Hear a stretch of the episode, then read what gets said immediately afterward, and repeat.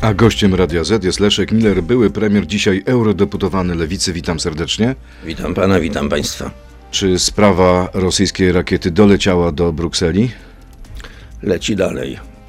Jeszcze oficjalnie Bruksela się tym nie zajmowała, e, ale jeżeli się zajmie, e, no to Polska po raz kolejny się ośmieszy. A dlaczego? Proszę pana, otóż wlatuje z kierunku prawdopodobnie białoruskiego e, rosyjska rakieta. Nie wiadomo, czy uzbrojona, czy nieuzbrojona. Ma 6 metrów długości, więc trudno jej nie zauważyć. Ruszają samoloty, które tracą z nią kontakt. Następnie ruszają helikoptery i, i e, wojska ter obrony terytorialnej, żeby ją szukać i nie mogą jej e, znaleźć, a potem poszukiwania są w ogóle przerwane zapada decyzja polityczna, żeby jej nie szukać, bo może jakoś to się rozejdzie. Może ta rakieta wpadła do jeziora, może wpadła gdzieś do bagniska i tam gdzieś utonęła, więc lepiej w ogóle o tym nie mówić, bo oczywiście mówienie o tym wszystkich ośmieszy. Dowcipkuje pan sobie na ten temat, a to poważna sprawa. No bardzo poważna. A wie pan, co mówią przedstawiciele i wojska, i prezydenta, że wtedy 16 grudnia pogoda była fatalna, że to była zima, że widoczność była ograniczona, że nie można było sobie od tak zestrzelić tej rakiety, kiedy nie było jej identyfikacji. To brzmi jak komunikat o sytuacji na, drogach i ostrzeżenie dla kierowców, żeby uważali jadąc, zwłaszcza przez las. Ale tu nie mamy do czynienia z ruchem drogowym, tylko z rakietą i z obroną przeciwlotniczą, która nie może być wrażliwa na warunki pogodowe. Czy ta sprawa w jakimś sensie demaskuje stan obrony powietrznej Polski?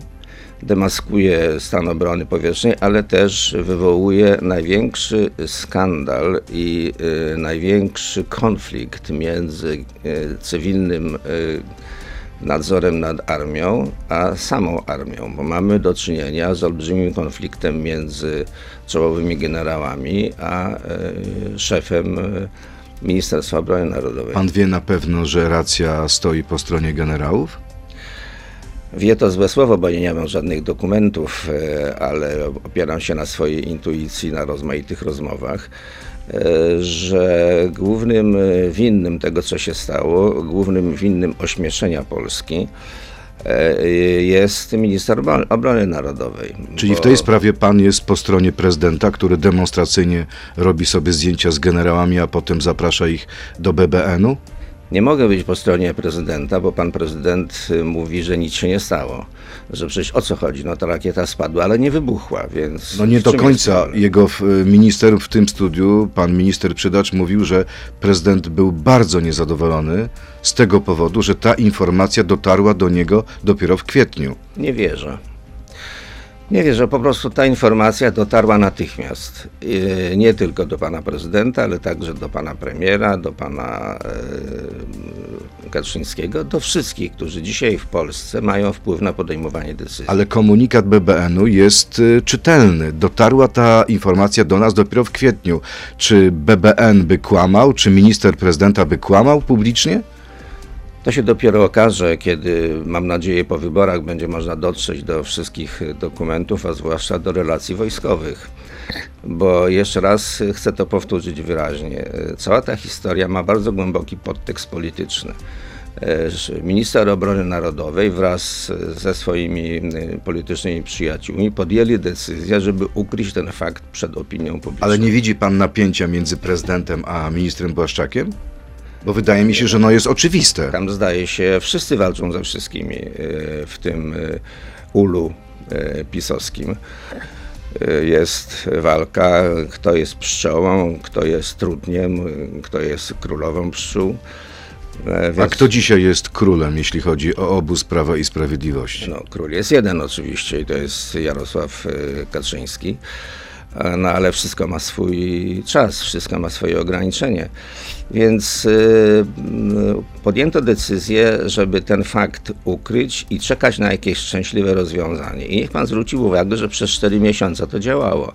Ale potem trafiła się Amazonka która konno przemierzając leśne ostępy trafiła na tą rakietę. No i sprawa się, jak to się mówi, rypła.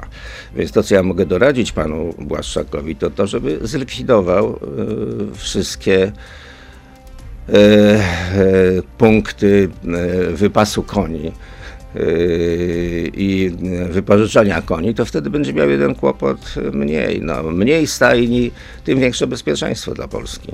Dymisja Błaszczaka, ministra Błaszczaka byłaby na rękę Kremla, mówi Jarosław Kaczyński.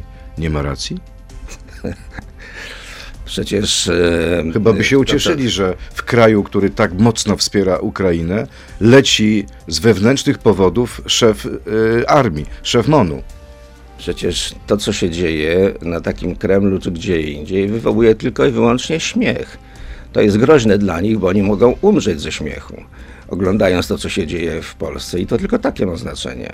A pana zdaniem to dobrze, że Polska tak y, demonstracyjnie i tak mocno wspiera swoim uzbrojeniem Ukrainę? Nadal i wciąż? Oczywiście, że dobrze, ale przy okazji Polska nie może być rozbrajana.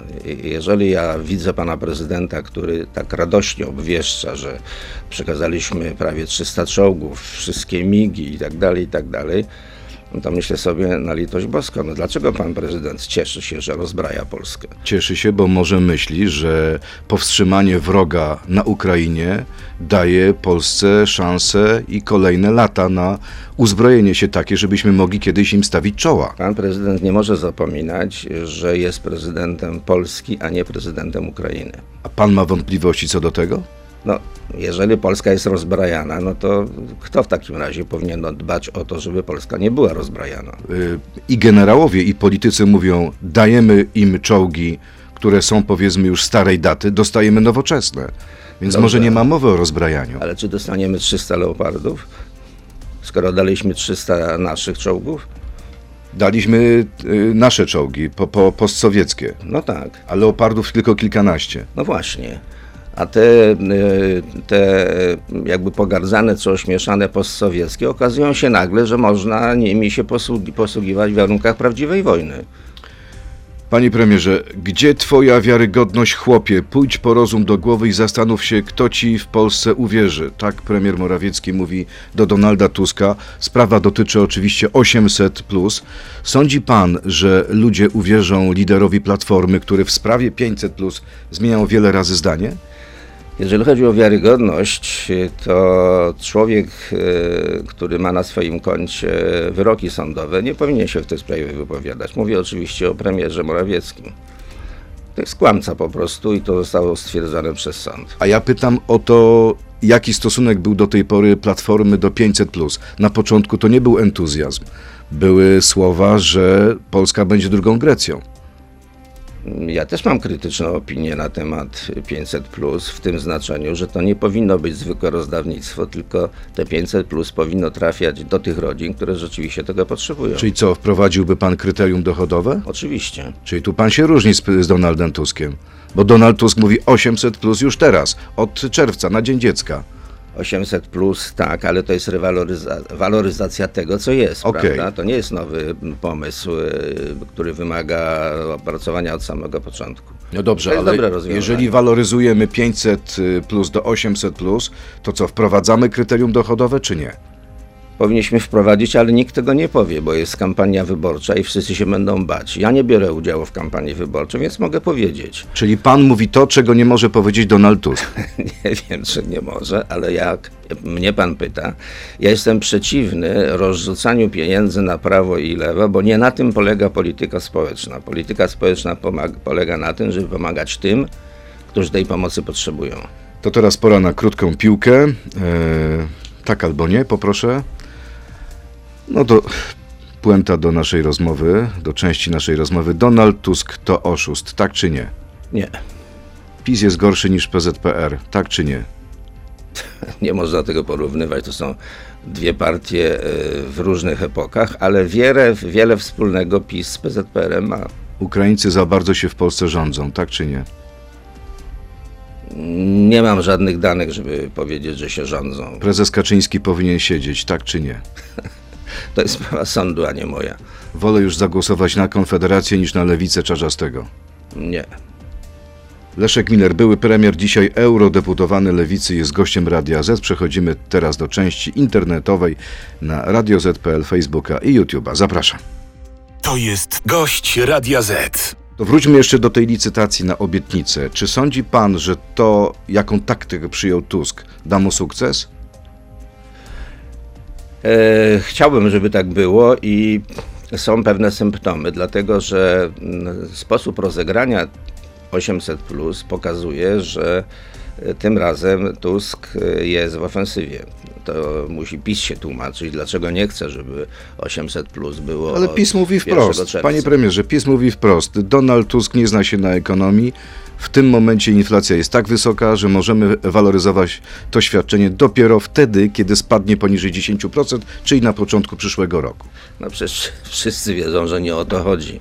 PiS stosuje jeszcze jedną wymówkę, że nie, nie można tego robić w, w roku budżetowym. A cztery lata temu PiS nie miał żadnych zahamowań, żeby przeprowadzić właśnie 500 plus w roku budżetowym. Czyli Dokładnie jako- cztery lata temu. Jako były premier uważa pan, że w każdym momencie można znowelizować budżet i że to jest tak stryknięcie? Kiedyś, kiedyś tak nie było, ale teraz już tak jest. A co to znaczy, że polityka stała się gorsza, inna? Polityka stała się taką, w której nie przestrzega się y, niczego, ani konstytucji, ani ustaw. Y, Decyduje wola tego, który wydaje dyspozycję. To jeszcze a propos tej licytacji. y, Sławomir Mencen z Konfederacji wyliczył, że koszt dotychczasowych obietnic Donalda Tuska to prawie 90 miliardów złotych. I on, cytuję, nie pamięta takiej skali populizmu i nieodpowiedzialności mm, i pisze, że Tusk przebija nawet pisowskie dno. Czy pan się z nim zgodzi? No a skąd? Nikt nie przebije y, PiSu w y, obietnicach. PiS to jest y, prawicowa partia populistyczna. Prawicowa partia populistyczna, trzy razy P. Trzy razy P, niech tak będzie. No dobrze, ale e, Pana zdaniem ta różnica zdań w opozycji, bo mamy z jednej strony Donalda Tuska, z drugiej strony trzecią drogę. Oni są sceptyczni. Czy to dobrze rokuje na przyszłość? Jak te partie dogadają się, jeśli będą musiały tworzyć wspólny rząd? Źle rokuje, a poza tym e, osłabia e, opozycję, dlatego że wielu ludzi myśli sobie, jak oni się dzisiaj nie są w stanie porozumieć, to jak oni się porozumią po wyborach. A może jest wręcz zupełnie przeciwnie? Może to jest tak, że dzięki temu ta oferta opozycji jest szersza. Może trafić do każdego. Gdyby była jedna lista, to przepraszam, morda w kubeł i wszyscy mówiliby przekazem dnia. Proszę pana, y, wiem, że oczywiście wielu Polaków y, wyznaje taki sens takiego przysłowia, gdzie dwóch się bije, tam trzeci korzysta. Ale w polityce to tak nie działa. W polityce, gdzie dwóch się bije, tam dla trzeciego nie ma miejsca. Ja mam wrażenie, że pan jest chyba ostatnią sierotą po jednej liście. Bo Dobrze, ciągle będę- pan marzy o tej wspólnej liście opozycji. Bo wiem, że jedna lista daje większe szanse opozycji. Każda dodatkowa lista zmniejsza szanse opozycji. Ale jak pan widzi ostatnie sondaże, one pokazują, że tak naprawdę listy opozycyjne mają więcej już poparcia i więcej mandatów niż Prawo i Sprawiedliwość i Konfederacja. To co? Badania badaniami, a praktyka praktyką. Ja organizowałem szereg kampanii, y, tworzyłem wiele list, wiem jak działa jedna lista i jak działa wiele list i nic się od tamtej pory nie zmieniło. Czyli ciągle z uporem, przepraszam, maniaka, powtarza pan, dogadajcie się jeszcze przed wyborami? Dogadajcie się jeszcze przed wy- wyborami, dlatego że naprzeciw y, dobrze zorganizowanej y, partii PiS nie może y, stanąć y, rozproszone pospolite ruszenie. No ale jeżeli na przykład y, armia, która walczy z, z armią przeciwnika, ma różne flanki i atakuje z różnych stron, to może to jest zgodne ze strategią, z taktyką wojenną. No ale to jest cały czas ta sama armia, a nie kilka armii, które walczą zresztą między sobą, bo niech pan zwróci uwagę, że jeżeli nie będzie jednej listy opozycyjnej, to nie uniknie się konkurencyjnej walki między tymi partiami. Ale to jest oczywista oczywistość. Widzi pan, jak wyglądają na przykład y, prawybory w Stanach Zjednoczonych. Tam ludzie z jednej partii walczą bardzo ostro ze sobą, a potem walczą z przeciwnikiem. No dobrze, walczą do pewnego czasu. A tutaj będzie tak, że oni będą walczyli do końca, do, do zakończenia wyborów. Panie premierze, to pora na pytania od naszych y, słuchaczy. Jan Maj. Czy w kontekście tak wysokiej utrzymującej się inflacji dalej uważa pan, że zero to zero? Tak, zero to zero. Ostatnia prosta. Co sądzi pan o rodakach kamratach? Czy nadal uważa pan, że chłopcy powinni brać przykład z Weroniki? Mówię, nie wiem o co chodzi. To nie chodzi o ten film, filmik, który pan zamieścił na Twitterze? Gdzie tam jedna kobieta atakowała Ukraińca, który stworzył tą instalację przed pomnikiem żołnierzy sowieckich? Tu się przyznam, że jeden z moich kolegów zrobił mi dość kiepski żart, no ale zrobił. Czyli wy, wy, z, wycofał pan ten film? Skasowałem. Skasował. Tak, Zrobił pan błąd. Znaczy, no, to nie ja, tylko mój przyjaciel, powiedzmy. Aha, czyli, czyli co, będą jakieś konsekwencje wobec przyjaciela, który operuje Nie, no, pańskim pan, kontem? no, Czy cóż pomaga? Tam, no, przez moment dysponował. Bronisław Duda, czy był pan na wiecu Władysława Gomułki w 1956 roku w Warszawie? Podobno uczestniczyło w nim aż pół miliona ludzi. Jak to możliwe, że aż tyle, tyle i co ich zachęciło? Nie byłem, bo miałem wtedy 10 lat. Ale znam oczywiście z różnych y, dokumentów i filmów. To prawda, tam wtedy na placu Defilat było prawie pół miliona e, ludzi. Y, Gomułka był bardzo dobrze przyjmowany. Miałem zresztą pretensje do tamtego kierownictwa, że oni wtedy w 1957 roku nie zrobili wyborów, demokratycznych w pełni wyborów w Polsce, bo wtedy PZPR by wygrała. O, to ciekawa koncepcja. Pan Wojciech, a propos PZPR-u, dalszy ciąg. Często zarzuca pan obecnej władzy uległość w sprawie zbrodni wołyńskiej. Skoro pan taki charakterny, to jest cytat, to czy mógłby pan nam powiedzieć, w jaki sposób walczył pan o prawdę w sprawie zbrodni katyńskiej w czasie, gdy był pan w PZPR-ze, bo nie mogę nic na ten temat znaleźć. I pewnie pan nie znajdzie, bo mm, takie dyskusje odbywały się nie e, publicznie. Ale pamiętam takie spotkanie e, grupy młodzieży z e, Łowicza, z liceum ogólnokształcącego, gdzie uczestniczyliśmy w Belwederze w dyskusji z Wojciechem Jaruzelskim. Jaruzelski ich zaprosił, bo kiedyś był u mnie w województwie skierniewickim i oni chcieli z nim na ten temat dyskutować. Wtedy właśnie tam dyskutowaliśmy o Katyniu. Ale wracając do tego pytania. Otóż e, Wołyń e, jest podobnie traktowany jak Katyń. Nigdy nie mam dobrej okazji, żeby o tym mówić.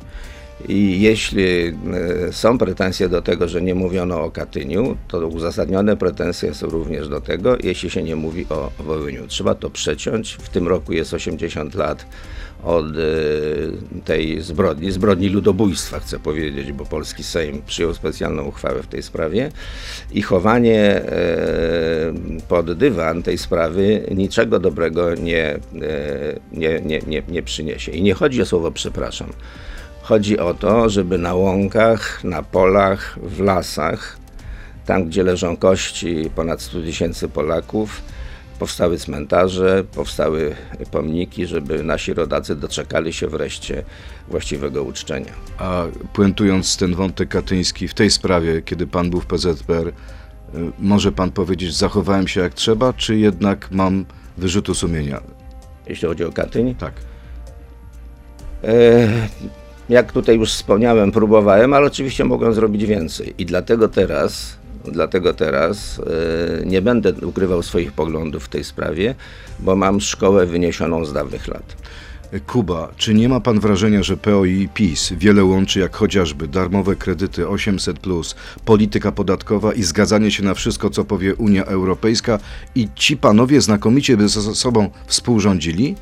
Nie, to są dwie różne partie i nie jest przypadkiem, że przez cały okres y, Rzeczypos- y, trzeciej RP nigdy te dwie partie nie były w koalicji rządowej. Ale było blisko, 2005. Było blisko, pamiętam, Jan Maria Rokita, premier z Krakowa, było blisko, ale nigdy nie doszło do formalnej koalicji. Bartłomiej, czy były premier wróci jeszcze do polskiego parlamentu? Nie, bo dziękuję bardzo za, za to pytanie. nie. E, Kolejne pytanie. Mike, czy wierzy pan, że wprowadzenie w Unii Europejskiej Fit for 55 uratuje świat przed zagładą klimatyczną, kiedy to Unia jest odpowiedzialna za produkcję CO2 w ilości około 8%? Jaka jest szansa, że świat w tym czasie schodzenia z produkcji CO2 w Unii nie zwiększy produkcji dwutlenku węgla? Ma pan, ma pan całkowitą rację, że to nie zależy tylko od Unii Europejskiej. No ale zawsze jest tak, że ktoś musi dać przykład. No dobrze, ale dajemy przykład i w ten sposób tak naprawdę zmniejszamy potencjał gospodarczy Unii Europejskiej. Przecież te wszystkie fabryki wylądują y, w takich krajach jak Azja, jak Chiny. Nie dlatego, że właśnie pracujemy w Parlamencie Europejskim nad rozwiązaniami, które powodują, iż e, e, fabryki, które powinny pracować na terenie Unii Europejskiej, e, są zachęcane do przenoszenia się z innych kontynentów na teren europejski. Łukasz, czy 4 czerwca dla Pana to dla Pana radosny dzień z okazji rocznicy pierwszych częściowo wolnych wyborów? Czy może smutny dzień z powodu pańskiej porażki ówczesnej partii oraz Pana, ponieważ nie uzyskał Pan wtedy mandatu? Nie uzyskałem mandatu do Senatu, ale nikt z moich Proszę przyjaciół... skorzystać z, ze szklaneczki. Ostatnio mam kłopoty z gardłem. Zapewniam, że nic nie dolewaliśmy.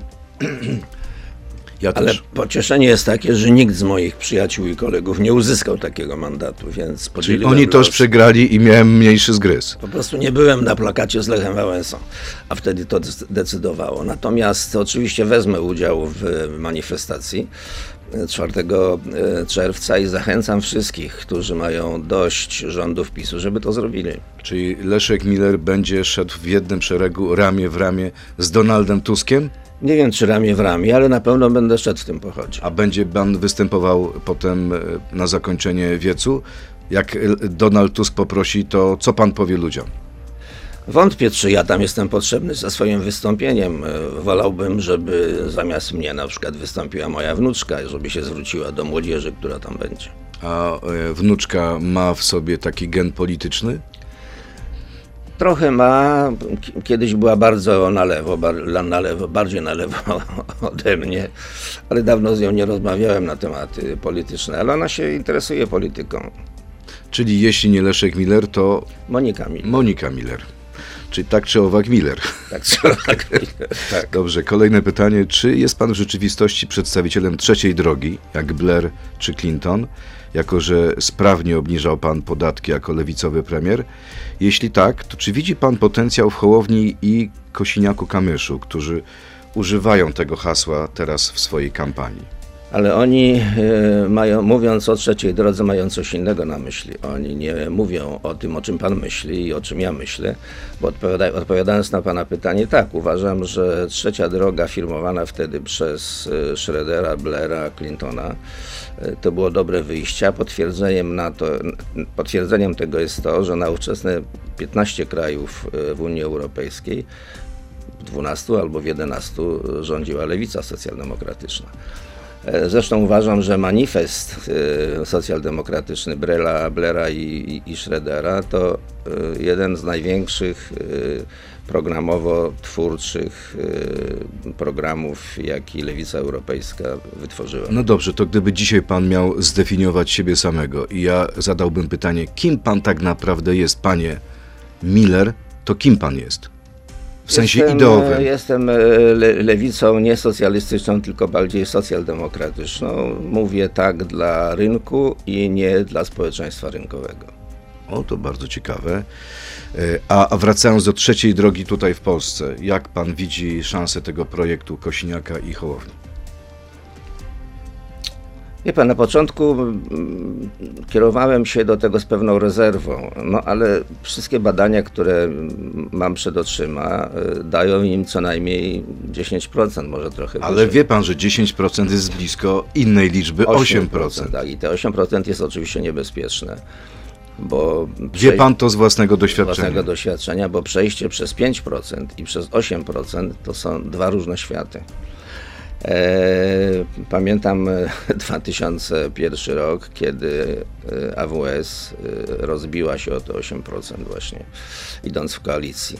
No ale zobaczymy, no wie pan, jeszcze jest kilka miesięcy, a kilka miesięcy w Polsce, mówię kilka miesięcy do wyborów, to są lata świetlne. Naprawdę? Uważa pan, że jeszcze mogą być takie wstrząsy, że się obudzimy w innej rzeczywistości? Oczywiście nie wiadomo, co się dalej wydarzy na Ukrainie, nie wiadomo, co się wydarzy w Europie. Po drodze mamy kilka ważnych rocznic. O jednej mówiliśmy, 80 lat y, od masakry. To będzie miało wpływ na sympatię, notowania partii? Oczywiście ci, którzy to odpowiednio zdyskontują, wykorzystają, y, zdobędą sporo punktów. Ci, którzy będą udawali, że tego nie ma, że to nie istnieje, będą to zamiatać pod dywan, stracą. Donald Tusk powinien w tej sprawie zabrać głos? Wszyscy politycy powinni się wypowiedzieć. Ale czy to nie będzie ze szkodą dla interesów polskich? No i tu wracamy do Katynia, prawda? O- Nigdy nie było dobrego czasu, żeby, zająć, żeby mówić o Katyniu. A proszę powiedzieć, czy myśli pan, że ta wojna na Ukrainie będzie trwać i trwać, czy jest szansa na szybki jej koniec? Jeśli chodzi o szybki koniec, to nie sądzę, żeby to się stało, natomiast y, niestety będzie trwać. Bo niestety dlatego, że giną ludzie, a nigdy się nie, nie cieszyłem patrząc, jak giną ludzie. Czy Ukraina może tę wojnę przegrać? Każdy wariant jest y, możliwy, ale z drugiej strony y, w obronę Ukrainy y, zaangażowały się największe potęgi świata, łącznie z NATO, więc wydaje się to, to teoretycznie niemożliwe. Ale... Byłaby to prestiżowa porażka tych potęg? Oczywiście, że tak, ale z drugiej strony, jak się zestawi Ukrainę z Rosją, to potencjał ludnościowy jest nieporównywalny, potencjał obszarowy jest nieporównywalny, więc zobaczymy. I dzisiaj przedstawiciel jednej z tych potęg, y, chiński specjalny wysłannik, pominę jego nazwisko, e, przyjeżdża do Warszawy po dwudniowej wizycie w Kijowie. O co grają dzisiaj Chiny w tej części świata? Chiny grają o to, żeby na pytanie, kto wygrał wojnę, czy Rosja, czy Ukraina, padła odpowiedź Chiny. E, Czy to jest możliwe? to jest możliwe. W jaki sposób to mogłoby się dokonać? Jeśli e, Zachód, zwłaszcza Stany Zjednoczone, e, Ukraina i Rosja uznają, że Chiny mogą być mediatorem, że można im powierzyć e, los pokoju, rozejmu czy czegokolwiek. Ale wiemy, że Chiny grają razem z Rosją. Czy można im zaufać? To zależy, e, jakby się te rokowania odbywały i co by leżało na stole. No, na, na razie ten 12-punktowy plan chiński został przez, Ukrain, przez Ukrainę dosyć e, marnie przyjęty. Ale cały czas trwają rozmowy. Ale cały czas trwają rozmowy. No, problemem dla Ukrainy zapewne jest to, że w tym chińskim planie mm, e, Rosjanie, czyli wojska rosyjskie, zostają w tym miejscu, w którym są. Wyobraża pan sobie, że Ukraińcy nie są w stanie odbić terytoriów zajętych po 24 lutego? No, jeśli to byłby rozejm, no to oznaczałoby, że armie stają w tym miejscu, w którym są. Byłoby to na rękę dzisiaj Ukraińcom? Nie. Z tego, co mówi Zeleński i politycy ukraiń, ukraińscy, y, tam się nie rozważa y, możliwości zawarcia rozejmu czy pokoju w sytuacji, w której y, tereny zagrabione przez Rosjan pozostają w dyspozycji Rosjan. Ale czy w interesie Polski byłoby szybkie zakończenie tego konfliktu, czy w naszym interesie jest to, żeby ten konflikt trwał i trwał? Proszę pana, podobało mi, się, podobało mi się zdanie, które usłyszałem w Parlamencie Europejskim od prezydenta Portugalii, który powiedział: Wszyscy potrzebujemy pokoju na sprawiedliwych warunkach. No ale to jest bardzo szczytne, ale bardzo zarazem ogólne hasło. Ale Prawda. co, co tak naprawdę Teraz na sprawiedliwych oznacza? warunkach to oznacza pokój, ale na warunkach prawa międzynarodowego. Okej, ale sam pan powiedział, potencjał Rosji jest większy. Tak. Mimo wspomagania Zachodu e, Ukraińców. Tak więc, jeżeli w Rosji na Kremlu będzie panowało przeświadczenie, że można tę wojnę rozstrzygnąć na swoją korzyść, to Rosjanie nie ustąpią. To na koniec naszej rozmowy wróćmy od, do tego, czego zaczęliśmy, czyli obietnic wyborczych. Za rok, od 1 lipca, nie będzie już w Polsce ani kilometra płatnych autostrad. Obiecuje Prawo i Sprawiedliwość. Cieszy się pan? Nie bardzo, bo wyobrażam sobie e, tabuny turystów z bogatszych krajów niż Polska, na przykład z Niemiec, którzy będą korzystali z naszych autostrad za darmo. Czyli chce pan, żeby te opł- opłaty pozostały? Wie pan, ile kosztuje odcinek między Berlinem a Warszawą? Wie pan, e, w 2003 roku mój rząd próbował przeprowadzić e, tak zwane winiety. I to było bardzo sprawiedliwe rozwiązanie i byłoby dalej sprawiedliwe rozwiązanie. Tylko, że wtedy ten dobry pomysł, jak to się mówi, uwaliły. I teraz niech pan słucha. Zamieniam się w słuch. Platforma Obywatelska, PiS, Liga Polskich Rodzin, Samoobrona i PSL.